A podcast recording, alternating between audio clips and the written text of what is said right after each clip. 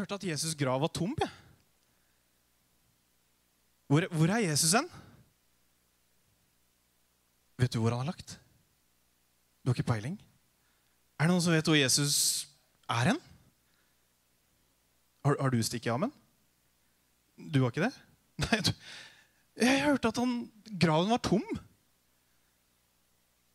Har du hørt det òg? Du har det? Hvor er den? Jeg, jeg skjønner ikke bæret. Vet du hva, Jeg hørte at Peter og Johannes jeg hørte de, de, de fikk beskjed av Maria, at, Maria Magdalena at, at, eh, at graven var helt tom. De, de kom dit. Og Peter og Johannes de beina. De beina for å sjekke med en gang. Det her var søndagen. Jeg hørte det, det, jeg hørte det på søndagen. Og så, og så kom de fram til gravstedet, og så var steinen rulla vekk. Og så kikka de inn, og så var graven helt tom. De skjønte, ikke, de skjønte ingenting. Har, har du tatt Jesus? Nei. Og Maria Maria hun, hun sto der litt lenger etterpå at Peter og Johannes hadde, hadde løpt av gårde. Og så tok hun og kikka en, en ekstra gang inn i, i, i graven, og så, og så så hun to engler. Hun sa, på hun sa det til meg på søndag. At hun hadde sett to engler der inne. Og de hadde spurt hvorfor gråter du. Hvem, hvem, hvem er det du leiter etter? Og hun var helt fortvila. Jeg vet ikke hvor Jesus er. Og så kikka hun ut etter at hun hadde sett de to englene, og så er det en mann der. Hun, hun ser ikke helt hvem det er, og hun kikker bort, og hun gråter og tørker tårer. og Hun er helt ute av seg, og så, så sier han Ja, men uh, hvorfor gråter du? Nei, Hvis det er du som har tatt han, ta så i hvert fall si det til meg. Hvor, hvor- han er. Sånn at jeg kan få balsamere han. og sånn at jeg kan, Vær så snill, si i hvert fall hvor du har lagt han. Og så sier mannen navnet hennes. Maria. Og vet du hva hun sier til meg? Hun sier, 'Jeg skjønte det var Jesus! Han sto der!' Hun sa det på søndag. Hun gjorde det. For har Jesus stått opp? Om Jesus har stått opp, så endrer det alt. Men er det sant? Kan jeg stole på det jeg hørte på søndag? At Jesus har stått opp fra de døde? Eller kan vi 2000 år seinere, eller 1989 år seinere, stole på det som står i denne boka her? Om at Jesus har stått opp?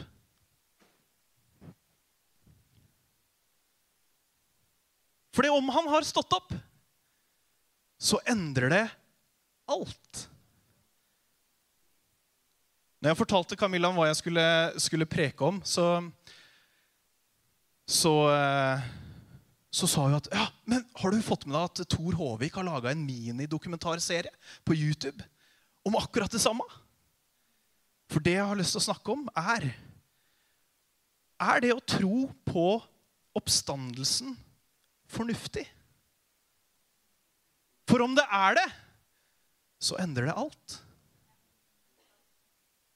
Og Jeg skal anbefale den eh, miniserien til Tor Håvik. Det er eh, tre episoder på 20 minutter. Den er veldig veldig fin, og den forklarer ting på en veldig sånn forståelig måte. Om er det fornuftig å tro at Jesus sto opp fra de døde. Så jeg har lyst til å gi deg noen punkter og eh, forklare litt rundt er det faktisk fornuftig å tro på, eller er det svada? Er du klar for det? Og jeg, jeg, jeg, nå, nå skal ikke jeg liksom point liksom, ja. Men er det en gang jeg sier noe som du skal ta notater på, så er det nå. Og om ikke du eh, er vant til å ta notater eh, når noen preker, så begynn med det nå. Det er en anbefaling. Står du i en diskusjon med noen noen gang, så kan du ta opp telefonen din. Vet du, jeg skal bare bla opp noen notater her. Skal vi se, skal vi se. Vent litt, skal jeg finne et argument. Og en, eh, et lite frampek. Jeg tror det er fornuftig å tro at Jesus har stått opp. Ok? Eh, Du går ikke herfra Det, blir ikke sånn totalt sjokk eh, at eh, det, er helt teit. Ok. Men om vi skal kunne tro på oppstandelsen Nei, nå hoppa jeg, jeg ikke litt. Det er ikke det. Jeg hoppa ikke, faktisk. Nei, Om vi skal tro på oppstandelsen, så må vi først og fremst tro, eller se på, finne ut av, om Jesus faktisk levde. Er det historisk bevist eller fornuftig å tro at Jesus, at det gikk en person som het Jesus på jorda for 2000 år siden og gjorde under og mirakler og store ting? Er det fornuftig? Og så er det faktisk sånn Nei, vet du hva, jeg hoppa veldig. jeg. Jeg må, jeg, jeg, jeg må tilbake. For det, i, I dag er det, er det mandag, og jeg sa at eh, det hørte jeg på søndag fordi han sto opp i går. Eh, bare sånn at du vet det. Og vi har jo, det her er siste dagen i påska. Og påska så er det jo en minneshøytid om det Jesus gjorde. Vi har palmesøndag, som starter påska. Så har vi skjær torsdag, vi har lang fredag, vi har første påskedag. Andre påskedag vet jeg egentlig ikke hva er. Men det er digg med en fridag. Veldig digg med en fridag. Eh, men det er litt sånn at i hvert fall her for oss i Norge kanskje, så blir påska mindre og mindre og mindre høytidelig. Og mindre og mindre fokus på hvem eh, Jesus var, og hva som faktisk skjedde. Det er mer egg og godteri. Påskeegg og godteri. Eh, og påskehare og påskeegg. Det er jo veldig fornuftig. Påskeegg og ha Haren kommer med påskeegg. Det er kjempefornuftig, og det er ikke rart at mine barn blir litt sånn forvirra. Og det blir jo veldig enkelt å forklare dem hvor barn kommer fra. Fordi de kommer fra storken, og det blir jo helt naturlig, siden egg kommer fra haren. Altså, så jeg, jeg, jeg syns dette her er helt digg. For det, det å forklare ungene mine ja, hvor kommer barn fra? Nei, de kommer fra storken. Ja, men Pippi, ja, men de kommer fra haren. Det er jo bare sånn det er. Men vi snakker om Jesus, verdens mest innflytelsesrike person. Om du tror det eller ikke, så er han verdens mest innflytelsesrike person. Om du tror på han eller ikke, så faktisk hver eneste dag så blir du Jeg vet ikke om du blir påvirka, men du påvirkes i hvert fall hver dag av hvem han var, og hva han gjorde for 2000 år siden. Likevel så hører jeg folk si sånn ja, Hvordan kan du tro på noe som står i en sånn eldgammel bok? 2000 år siden er jo null fornuft. Enda verre så hører jeg Hvor dum går han å bli? Det er jo helt tydelig at det er en fantasifortelling. Og det tror du på. Det lever du livet ditt etter. Det er jo bare rein fantasisvada. Men så begynner jeg å fortelle dem om hvor mange fridager de får i løpet av et år. Og da endrer de fort mening og begynner å ah, ja, men det er jo ganske viktig da, å ta vare på tradisjoner og historie. og ja, ja, For vi trenger jo de, alle de fridagene osv. Men helt seriøst, hvordan kan vi tro på det? Noen mener det er helt svada, helt det er, det er tankeløst. Det er ufornuftig. Så hvordan kan vi tro på det? da? Er det noe du har hørt, som du bare du må bare velge det? Er det noe du må erfare inni deg selv? liksom? At du, å, jeg har erfart ja, å, Det var en varme, det var en kjærlighet. Og det er godt, det, altså. Men er det, der, er det, er det liksom fundamentet på troen vår? Eller er det noe vi har opplevd og faktisk sett, som ikke kan forklares? Som vi kan kalle mirakler? Er det er det, det troen vår går på? Ja, det er kanskje det òg. Eller tror vi på den boka her, som faktisk beskriver Guds frelseshistorie som faktisk historie? At det faktisk har skjedd, det som står her. Og hvis det faktisk har skjedd, så kan det vel bevises også, vel? All right? For om det som står der, er sant, så endrer det alt. Fem observasjoner. Fordi blant forskere og historikere så har Bibelen enorm verdi. Den har enorm troverdighet på å være en historisk korrekt bok. Ja, de, de går vekk ifra hva agendaen til Bibelen er. Altså det, Mye av det som Jesus sier, formidler, og sånt noe, for det, det kan ikke helt forskes på godt nok. Selv om de ser sammenhenger eh, og, og ting som kohererer eller samsvarer i Bibelen. Men Det nye testamentet er jo det som beskriver Jesu liv og livet for 2000 år siden i Israel på best vis. Og er best bevart. Og har flest kopier. Eh, så det er helt tydelig at de som levde på den tida, var veldig opptatt av at oi, dette her er viktig. Det som skjer nå, det er ordentlig viktig at vi skriver ned, sånn at det her blir korrekt. Sånn at andre kan få lov til å lese om det. Og jeg har et bilde. Kan vi få opp det? Det bildet med den charten. Det, ja. Fordi det er ikke så veldig mange som eh, Hvis du diskuterer med noen, så er det ikke så veldig mange som diskuterer om eh, Cæsar har levd. Men hvis du ser hvor mange kopier som det er skrevet om Cæsar Er det noen som ser det? Ti. Og de ble skrevet også med 1000 års mellomrom fra han levde, til de begynte å skrive det ned. Aristoteles, tidenes største filosof. 40 kopier som de har funnet som har skrevet om Aristoteles og hans lære. Og han er svær i akademisk verden. Og så kommer de, og så kan vi si ja, men eh, Jesus han levde ikke. vet du.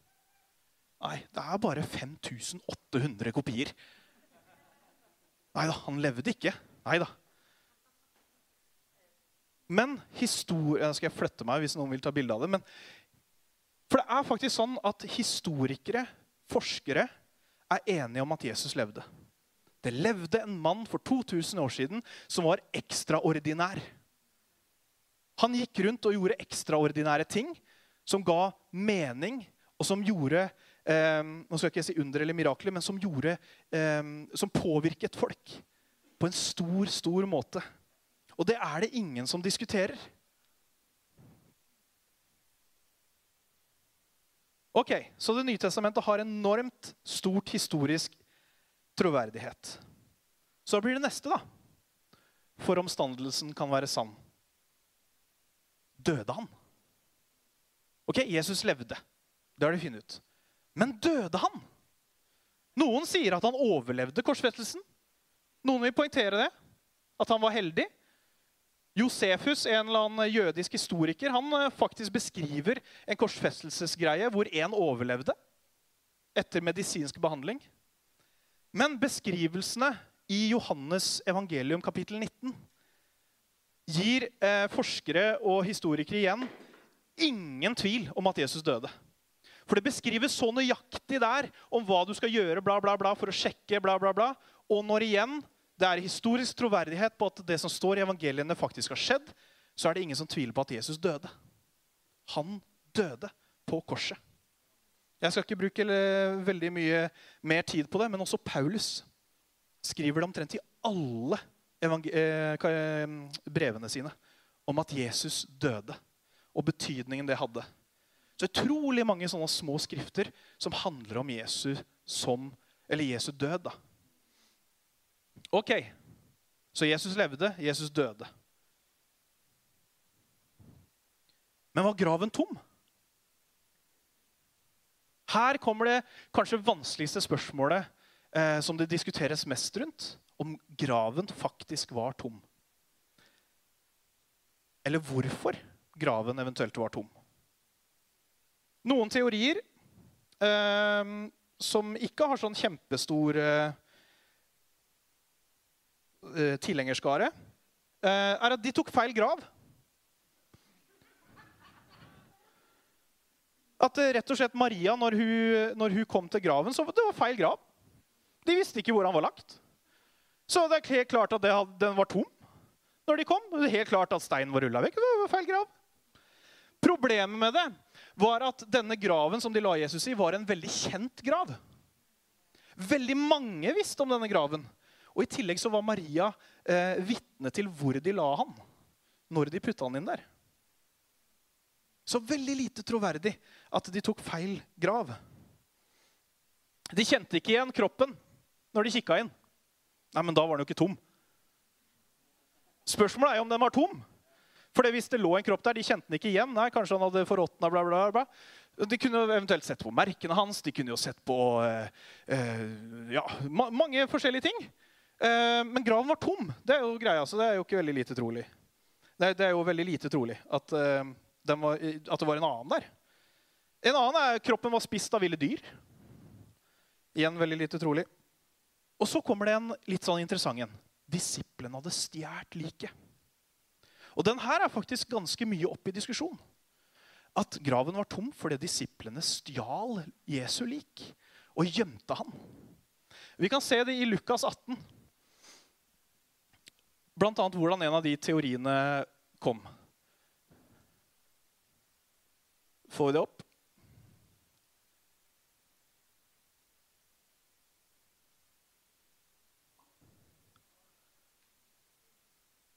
Nei.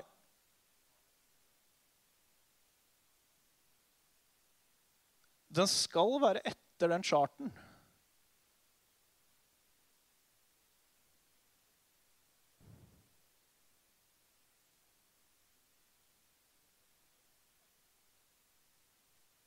Ja, ta, den, den, er grei. Ta, vi tar den. Mens kvinnene var underveis beklager, jeg tror jeg sa feil, mens kvinnene var underveis, kom noen av vaktmannskapet inn til byen og fortalte overprestene alt som hadde hendt. Overprestene og de eldste kom da sammen og ble enige om hva de skulle gjøre. De ga soldatene en stor sum penger og sa, 'Si at disiplene hans kom om natten og stjal han mens dere sov.' Skulle landshøvdingen få høre det, skal vi snakke med ham, så dere kan være trygge. De tok imot pengene og gjorde som de fikk beskjed om. Og dette ryktet spredte seg blant jødene og har holdt seg til denne dag. Dette er, dette er en av de største teoriene på hvorfor graven var tom. Disiplene hadde stjålet liket. Jeg vet ikke om du har jugd før? Jeg har ljugd noen ganger. Eh, ja, Nydelig. Det er noen andre som har ljugd òg. Det er konge. Men, men jeg har aldri ljuget eh, så mye at eh, jeg har valgt å dø for det. Det ser dere jo. Eh, men disiplene Hvis dette var en løgn, og disiplene hadde faktisk gjemt liket for å lure hele verden, så valgte de faktisk å dø for en løgn. Igjen jeg vet ikke helt. At graven var tom, eh, noen beviser for, det er at det var kvinner som var hovedvitne. Og beklager til kvinner, men på jødisk tid eh, så var ikke kvinners vitne noe Det hadde ikke noe betydning. Kvinner kunne ikke være vitne. Og Vi ser det bl.a. i Paulus kapittel 15. Vi ser det kanskje etterpå, At han unnlater å skrive om at kvinnen hadde sett Jesus. Fordi at de hadde ingen troverdighet på denne tida. Så hvis du skal begynne å skrive om en løgn, så begynner du vel ikke å skrive om de som har minst troverdighet. Men Bibelen gjør det. De skriver om at det var kvinner som var hovedvitne. Forkynnelsen om at Jesus hadde stått opp, begynte der graven var. Og gudstjenestedagen ble flyttet fra sabbaten til søndag med en gang. Noe som igjen var tegn på at vet du hva, kanskje det har skjedd noe annet.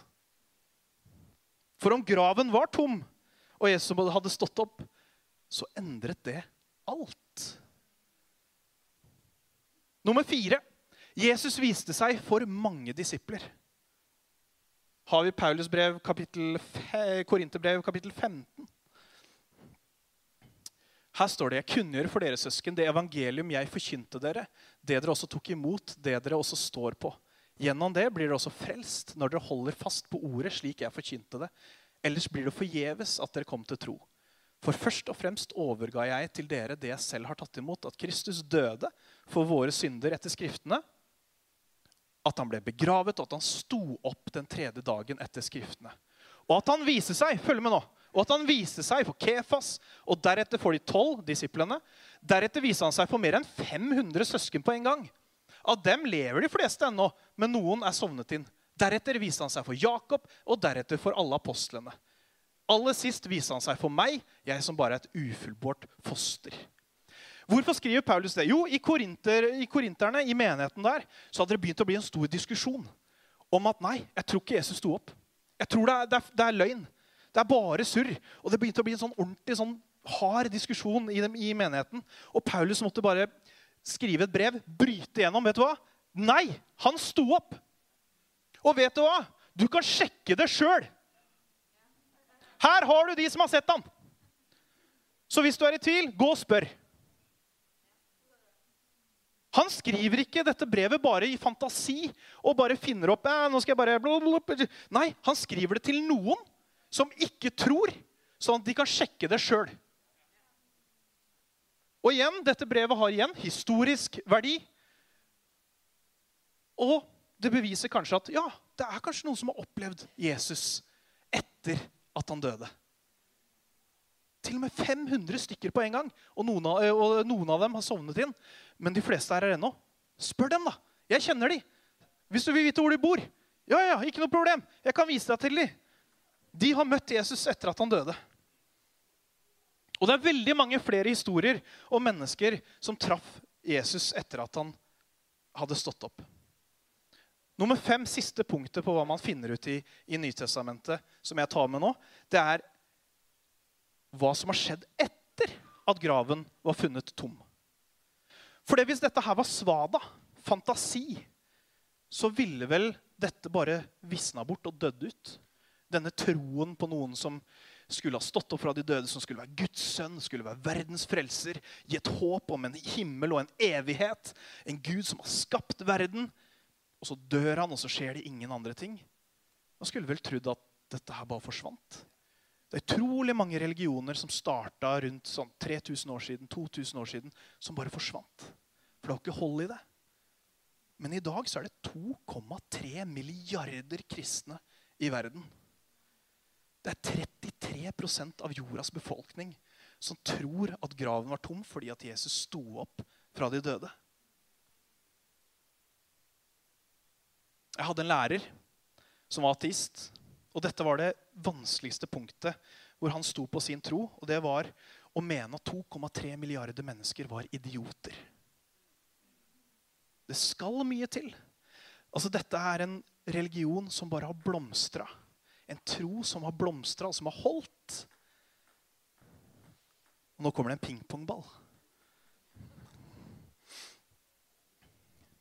Ok, henger du med? Ja, bra. Jeg håper du syns det er litt interessant. Ja, det er bra. Eh, men ok, vi har, disse, disse her, eh, vi har funnet ut disse faktaene eller begrepene om hva som har skjedd. da.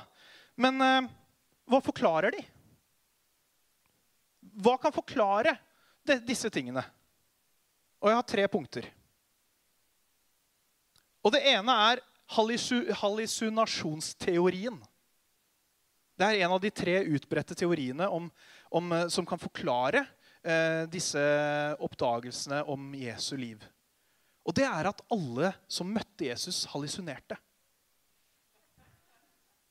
Og, og det, det, det, er noen som er tilhengere av det nå. Det er helt ok. Men da får du noen, noen, noen stikkord på, på problemet med det. For det, Hallusinasjoner kan oppstå ved stress og krise. Og mange har liksom fått en fornemmelse hvis det er noen nære og kjente som har dødd, at de har fornemmelse at de er til stede, eller har opplevd på en måte at de har kommet inn i rommet eller noe sånt nå, ved, ved spesielle anledninger. Det har skjedd.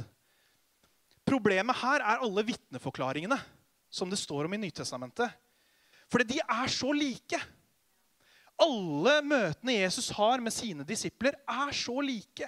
De forklarer eh, eh, hvordan han ser ut, hvordan eh, merkene hans på kroppen er. Eh, og, og, det er mange som opplever det samtidig. Til og med 500 stykker. Eh, jeg så et tall, bare det at tolv stykker For Jesus kommer inn i et rom eh, når Thomas også er til stede. Så er det tolv stykker som er samla der. Og bare det at tolv stykker skal hallusinere om akkurat det samme, med akkurat samme utseende, er 0,00001% Så det er ganske lite. Ja, men du kan kanskje, kanskje, si at det er veldig lite sannsynlig at han sto opp også fra de døde. Uh, ja, det er det. Men om du tror at det fins noe som er større enn oss selv, så er kanskje ikke sannsynligheten så liten likevel. En filosof har faktisk regna på det, at det er 97% sikkerhet at Gud reiste Jesus opp fra de døde. Ok? Du kan du velge om du skal tro på meg eller ikke. Eh, nummer to ingen forklaring. Nummer én hallusinasjonsproblemet. Nummer to ingen forklaring. Dette er den som har mest motstand fra kristendommen. Det er ingen forklaring. For historisk så kan vi ikke bevise enkelthendelser. Vi kan heller ikke bevise noe som ikke kan rasjonol, øh, ja, være i denne rasjonelle verden. Mirakler er umulig.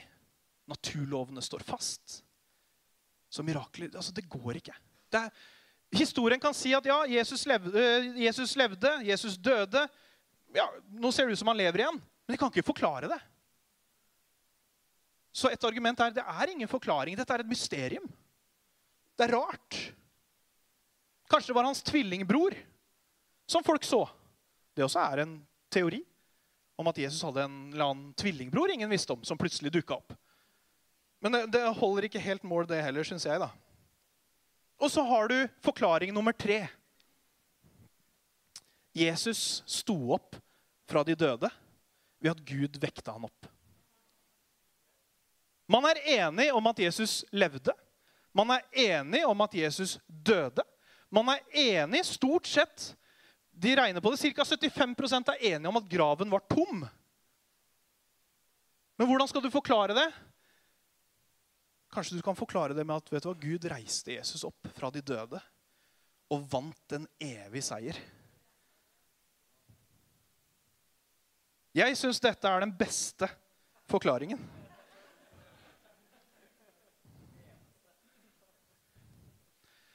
Greia er Hvis du vet at det ikke finnes noe Gud, så vet du også at Jesus ikke reiste seg eller ble reist opp fra de døde. Hvis du vet at det ikke fins en Gud, så, ble, så fantes aldri oppstandelsen. Og Der er diskusjonen ferdig. Men hvis du tror at det fins noe i verden som er større enn oss selv, så har du et fryktelig stort forklaringsproblem på noe annet enn at Jesus sto opp fra de døde.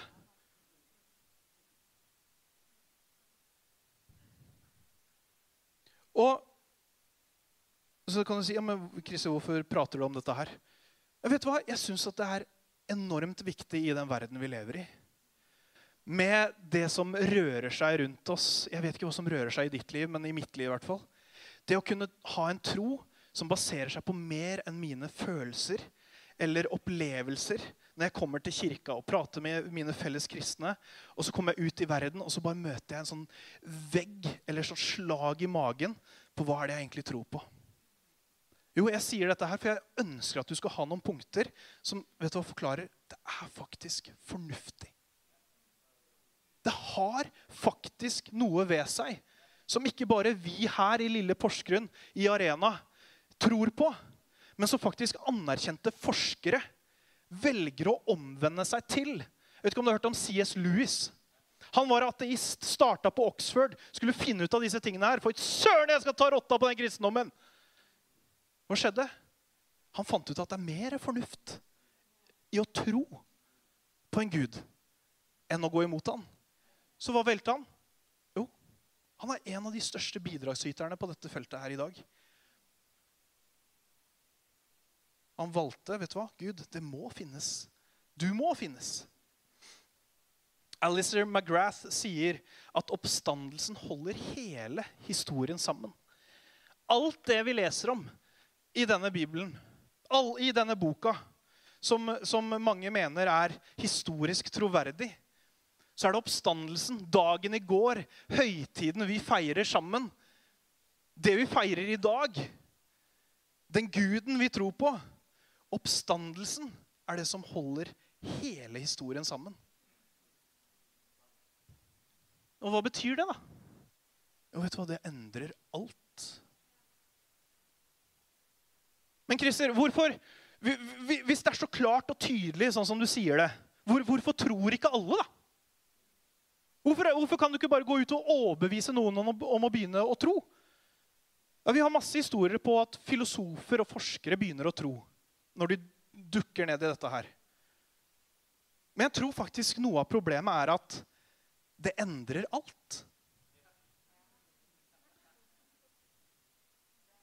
Fordi å begynne å tro Hvis du har lest litt i evangelien, lest litt i, i, i, eh, i brevene til Paulus, så ser du at ja, da må du legge ned ditt eget liv.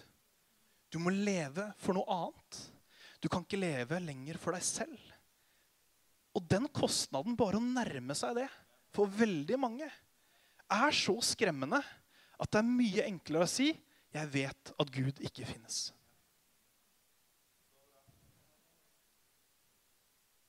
Tor, kjære, gode presten Tor. Han har jo også skrevet master i det her. Og han avslutter masteravhandlinga si med, med å skrive Enhver som fortsatt vil hevde at Jesus ikke ble mirakuløst reist opp igjen, har en tung jobb for å vise at det ikke var tilfellet.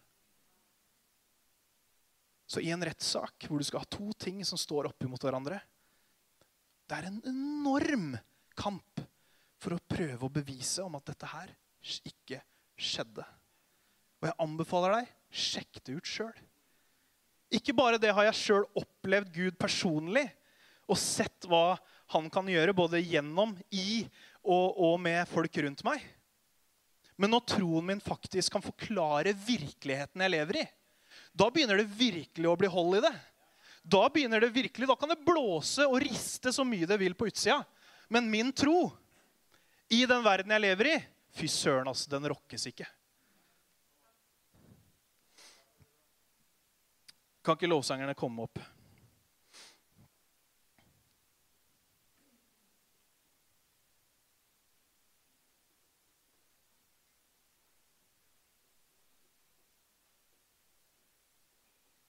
Noe av utfordringa er at det endrer alt. Fordi det gjelder fortsatt.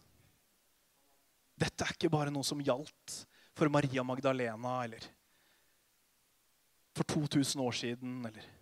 Ja, vet du hva? Det gjelder fortsatt.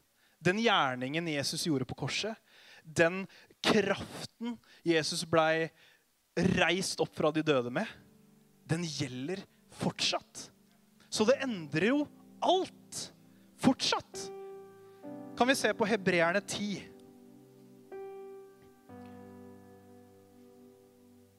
Derfor har vi frimodighet ved Jesu blod når vi går inn i Guds helligdom. På grunn av Jesu død kan vi alle gå inn forbi forhenget til det aller helligste og komme til Gud. Fordi Jesus er øverste prest, kan vi nå nærme oss Gud fylt av tro på at han vil ta imot oss. Ved sitt blod har Jesus renset hjertet vårt og gitt oss en ny samvittighet som gjør oss rene for Gud. La oss uten tvil bekjenne vårt håp og holde fast ved det. For Han som har gitt oss løftet, er trofast. Og la oss hjelpe hverandre til kjærlighet og gode gjerninger. Det gjelder fortsatt.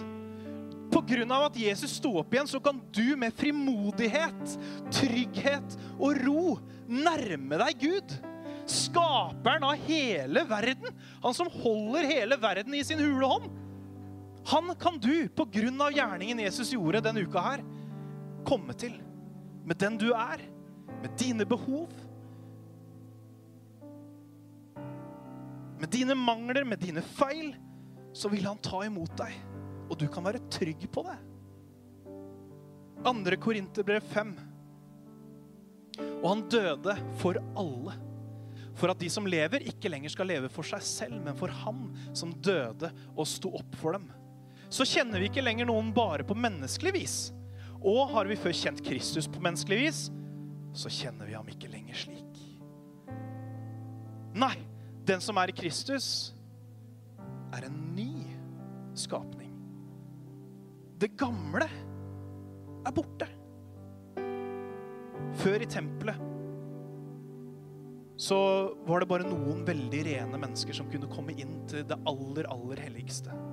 Og de måtte også knyte tau rundt anklene deres. De måtte ha på seg bjeller i tilfelle de døde av Guds nærhet. Så skulle du kunne dra de ut. Det er ganske vilt. Men pga. gjerningen Jesus gjorde på korset, så er den, det nærværet, den, den tilnærmingen til Gud, tilgjengelig for deg. Det endrer alt at Jesus sto opp igjen. Og at Jesus døde på korset, gjør at vi har en direkte vei til Gud. Har du lyst til å reise deg, så skal vi ære Gud litt for det han gjorde, og for at det fortsatt gjelder, og at det faktisk er fornuftig. For hos Gud, når du nærmer deg Han, der ligger alle løftene om hvem du er. Og det er gode løfter. Der ligger vår hensikt, min hensikt, din hensikt, ligger hos Gud. Der ligger vår identitet. Der ligger evig kjærlighet. Der ligger nåde. Og der ligger et evig håp. I Jesus så er du en ny skapning. I Jesus er du tillit. I Jesus kan du komme framfor Gud med frimodighet og glede. Du er utvalgt. Han så deg før du ble født, og tenkte at vet du hva, deg skal jeg skape. Og deg skal jeg bruke tid med. Du er verdifull. Og han har valgt deg til å bære frukt. God frukt. Som han vil skal ha betydning for de menneskene som er rundt deg. Og den frukten, den kan du finne hos Gud. Takk, Gud. Takk, Gud, for at din din bok, den holder mål når vi begynner å undersøke det. Takk for at det er ikke bare med våre sanser og følelser at vi kan nærme oss deg, men vi kan nærme oss deg med fornuft. Og, og begynne å forske på det du har skapt, og det du har gjort i historien. Takker deg, Gud, for at du, samtidig som du har reist Jesus opp fra de døde, samtidig som du har hånd over hele skapelsen, så er du faktisk her midt iblant oss. Og du ser oss som enkeltmennesker. Jeg takker deg for at du ser hver eneste en og våre behov. Våre mangler, våre gleder, våre styrker. Jeg bare ber nå, Gud, om at du må møte oss. Og jeg ber også om at vi må tørre å nærme oss deg. Jeg takker deg og ærer deg for oppstandelsen. At det er en historie som vi kan se på men også at det er en historie som vi kan erfare.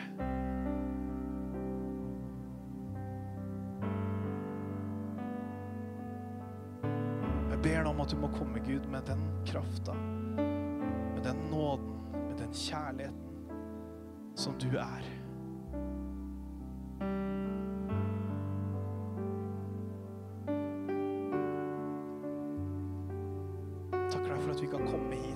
Kirke som et fellesskap. Og ære deg og se mot deg. La oss gi han litt takk.